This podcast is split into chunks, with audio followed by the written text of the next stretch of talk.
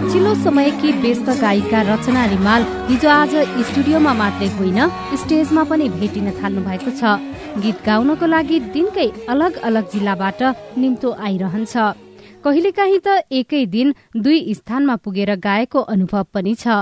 हिजो पन्ध्रौं सुदूरपश्चिम महोत्सवमा गाउनुभएका रिमाल आज गण्डकीको दमौलीमा आठौं तनहु महोत्सवमा पुग्नुभयो। दमौलीपछि अब दुई तिन दिन काठमाडौँमै हुन्छु। काठमाडौँमा रेकर्डिङहरू एकदम धेरै छ क्या प्रोग्रामले गर्दा छुटेको अनि पहिला पनि अब कोरोना अगाडि नि यस्तो बिजी भएको थिइनँ म होइन? जस कोरोनाबाट चाहिँ अलिक फ्री भयो जस्तो लागेको छ अहिले चाहिँ। रिमालको भोलि काठमाडौँ फर्कने र केही दिनमा प्रदेश एकको झापामा आयोजना हुने महोत्सवमा पुग्ने तालिका छ। कोरोनाको कारण दुई वर्ष मेला महोत्सव रोकिए जसका कारण न कलाकारले गाउन पाए न दर्शक श्रोताले मनोरञ्जन लिन नै।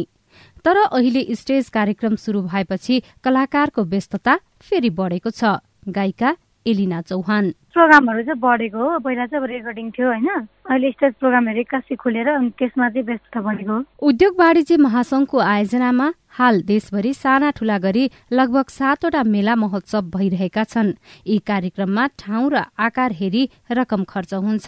कलाकारले पनि स्थान र समय हेरेर पारिश्रमिक लिने गरेका छन्। दर्शकहरू टिकट काटेर कलाकार हेर्न पुग्ने गरेका छन्। गर्ने कलाकार आउनु भयो भने त म त जसरी भए पनि जाने हो हेर्नलाई टिकट काटेर भए पनि। आफूलाई हेर्न मन लागेपछि त जसरी पनि हेर्न गइहालिन्छ नि। टिकट त जसरी म्यानेज गरिहालिन्छ नि होइन र? कलाकारहरू धेरै पछि गीत गाउन हिँड्न पाउँदा खुसी छन्। आमदानी कोरोना अघिको जस्तो छैन तर सन्तोषजनक रहेको गायक हेमन्त शर्माको भनाइ छ।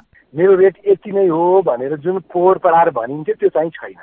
अलिकति कममा हामी म चाहिँ सहुलियत दरमा चाहिँ कार्यक्रम गरेको छु मैले चाहिँ। चल्तीको गायक गायिकाले एउटा कार्यक्रममा सामान्यतया कम्तीमा पचास हजार रुपियाँदेखिको पारिश्रमिक लिने गरेका छन्। एउटा महोत्सवमा एक दिनमा स्थानीय र बाहिरबाट लगिएको गरी पाँचदेखि सातजनासम्मले गीत गाउने तथा नाच्ने गरेका छन्। जसबाट दैनिक पच्चीसदेखि तीसजना कलाकारहरू सांगीतिक कार्यक्रममा व्यस्त हुने गरेका छन्। आमदानी सोचे जस्तो नभए पनि सांगीतिक क्षेत्र आर्थिक कारोबारको माध्यमको रूपमा विकास हुन थालेको कलाकारहरू बताउँछन्। सजना तिमल सिन्हा सीआईएन काठमाडौँ।